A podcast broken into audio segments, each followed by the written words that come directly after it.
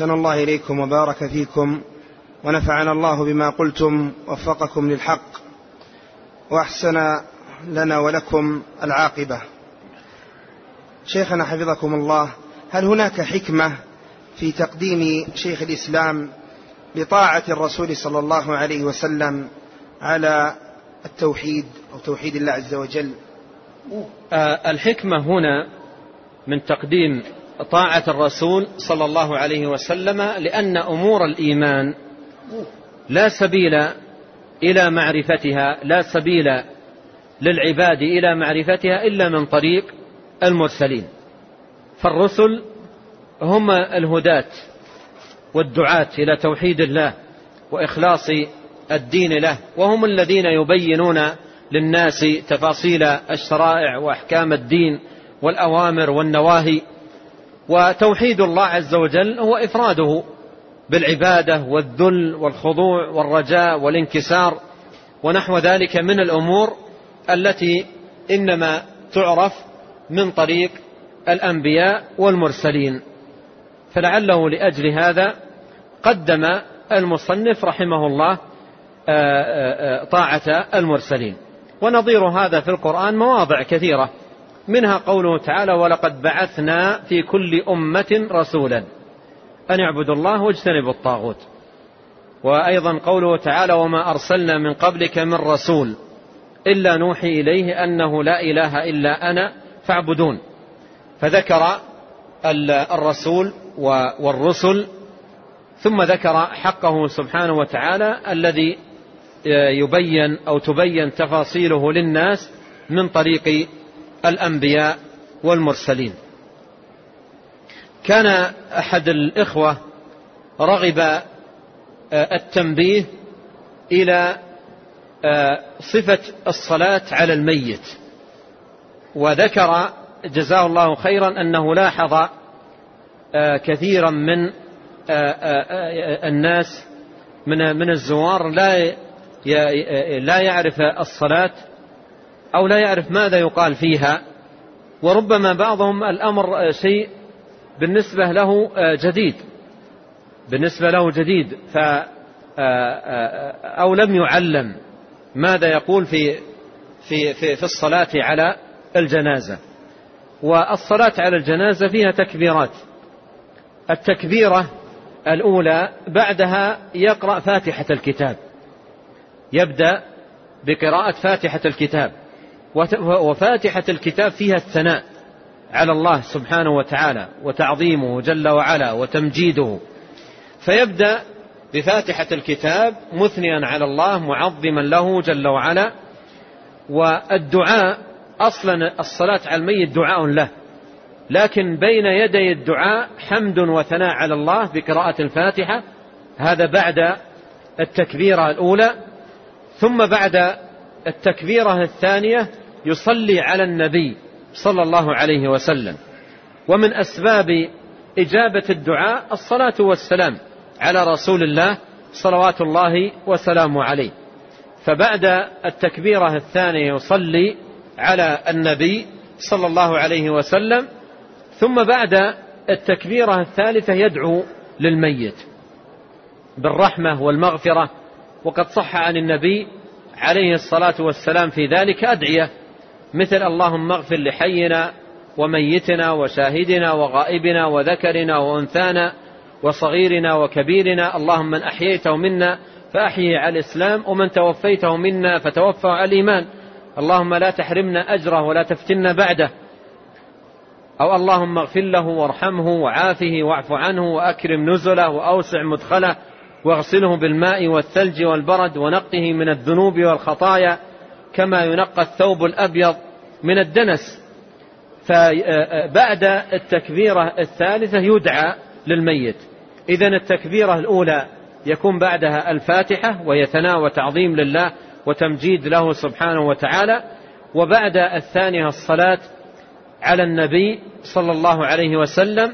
ثم بعد التكبيرة الثالثة الدعاء للميت ويحرص المسلم على تعلم الدعاء المأثور عن نبينا عليه الصلاة والسلام لأنه أتم الدعاء وأكمله وأجمعه وأوفاه وأسلمه من الخطأ والزلل فهو دعاء معصوم سالم من الزلل والخطأ. ثم بعد التكبيرة الرابعة يكون السلام. نعم. أحسن الله إليكم. هذا السائل يقول نرى في الأصول الثلاثة أن الشيخ رحمه الله تعالى ذكر توحيد الربوبية فهل معنى هذا أن الشيخ رحمه الله جعل جعله لذكر توحيد الربوبية وكتابه الآخر التوحيد ذكر فيه توحيد الألوهية. لا ليس الأمر كذلك. ليس الأمر كذلك. الشيخ رحمه الله لما ذكر توحيد الربوبية في الأصول الثلاثة. ذكرها لأن توحيد الربوبية أمر مركوز في الفطر وهو دليل على وجوب إفراد الله بالعبادة.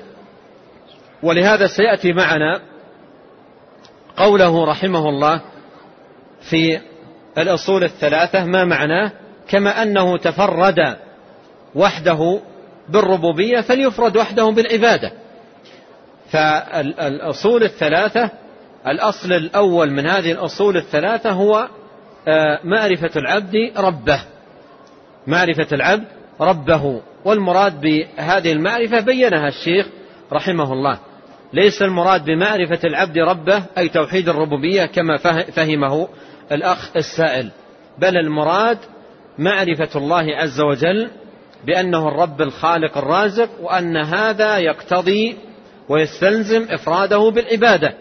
ولهذا بين في هذا الأصل تفصيلا العبادة وذكر أفرادا كثيرة من العبادة وبين وجوب إخلاصها لله تبارك وتعالى فهذا كله داخل في معرفة الرب. وحقيقة الذي لا يخلص العبادة لله ما عرف ربه الذي لا يخلص العبادة لله ولا يفرد الله سبحانه وتعالى بالعبادة ما عرف الله تبارك وتعالى حق المعرفة. لأن من عرف الله حق المعرفة لن لن لن يصرف شيئا من العبادة لغيره. ذلك بأن الله هو الحق وأن ما يدعون من دونه هو الباطل وأن الله هو العلي الكبير. أحسن الله إليكم. هذا سائل يقول هل الشرك في الألوهية أعظم من الإشراك في الربوبية. الشرك في الربوبية أو الألوهية كله عظيم وكله ناقل من ملة الإسلام. الشرك في الربوبية شرك في خصائص الله. والشرك في الألوهية شرك في حقوقه سبحانه وتعالى على عباده. الشرك في الربوبية أن يجعل شيئا من خصائص الله في ربوبيته لغير الله. وهذا ناقل من الدين ومخرج من الملة وموجب للخلود في نار جهنم. والشرك في الألوهية صرف شيء من حقوق الله لغيره. بأن يدعو غير الله أو يذبح لغير الله أو ينذر لغير الله تبارك وتعالى. فكل من آه، الشرك في الربوبية أو الأسماء والصفات أو الألوهية كل من ذلك ناقل من ملة الإسلام. لكن غالب شرك الناس وضلال الناس وغالب ما تكون الخصومات بين الأنبياء وأقوامهم في توحيد العبادة. وأما الربوبية فالأمر فيها قليل. وغالب أيضا من يعلن شركه في الربوبية في قرارة نفسه وكامن فؤاده خلاف ما يظهر. كما قال الله سبحانه وتعالى عن فرعون وقومه قال وجحدوا بها واستيقنتها أنفسهم ظلما وعلوا وقال موسى عليه السلام لفرعون لقد علمت أي يا فرعون ما أنزل هؤلاء إلا رب السماوات يعني أنت تعلم في قرارة نفسك أن المنزل لهذه الآيات هو رب العالمين سبحانه وتعالى. تعرف ذلك؟ فالذين ينكرون الربوبية غالبا ينكرونها عنادا واستكبارا. غالبا ينكرونها عنادا واستكبارا. والخصومات بين الأنبياء وأقوامهم في توحيد العبادة. وعلى كل الشرك سواء في الربوبية أو الأسماء والصفات أو الألوهية كله ناقل من ملة الإسلام وموجب للخلود في النيران أبد الآباد. حسن الله إليكم. هذا يقول هل يجوز الانحناء عند السلام؟ وهل هذا من الشرك؟ لا يجوز لا يجوز الانحناء ولو كان قصد المنحني التحية. لا يجوز الانحناء ولو كان قصد المنحني التحية. وجاء عن النبي عليه الصلاة والسلام دلائل عديدة في النهي عن ذلك. وبيان أن, أن هذا من صنائع أهل الكتاب. وجاء عنه عليه الصلاة والسلام أنه قال لو كنت آمرا أحدا أن يسجد لأحد لأمرت المرأة أن تسجد, أن تسجد لزوجها. المراد بالسجود هنا الانحناء الذي هو التحية. فهذا لا يحل ولا يجوز. لا يحل ولا يجوز. وجاء عن نبينا صلوات الله وسلامه عليه النهي عنه. جاء عنه صلوات الله وسلامه عليه النهي عنه. وهو قد يكون انحناء على وجه العبادة وهذا شرك آه، آه، آه، واتخاذ للأنداد مع الله سبحانه وتعالى وقد يكون على وجه التحية وهو محرم. لا يحل ولا يجوز سواء قصد به التحية أو قصد به تعظيم المنحني له والتذلل له وهذا من الشرك الناقل من الملة. أحسن الله إليكم. هذا سؤال فحواه أنه انتشر في هذا الزمان آه، التورع من إطلاق كلمة كافر على اليهود والنصارى بحجة أنهم لا يعلمون شيئا ولا يعرفون دينهم فهل هذا جائز؟ وأيضا فما هي المرتبة التي نجعلهم فيها؟ أحد هؤلاء المتورعين عنده اقتراح. قال أنا أقترح أن نقول عن أن لا نقول عن عنهم كفار وإنما نقول مرشحين للإسلام. نقول نقول هؤلاء مرشحين للإسلام. يعني بدلا نقول كافر يقول هذه ثقيلة. نقول هؤلاء مرشحين. للإسلام. يعني هذه يقول كلمة عصرية ولطيفة وجميلة بدل من هذه الكلمة الغليظة الشديدة. وكأنه ليس بيننا قرآن يتلى كلام ربنا سبحانه وتعالى. فيه آياته وفيه وحيه وفيه تنزيله جل وعلا. حتى يأتي أمثال هؤلاء بمثل هذه الاقتراحات أو مثل هذه الآراء. والقرآن فيه آيات كثيرة جدا.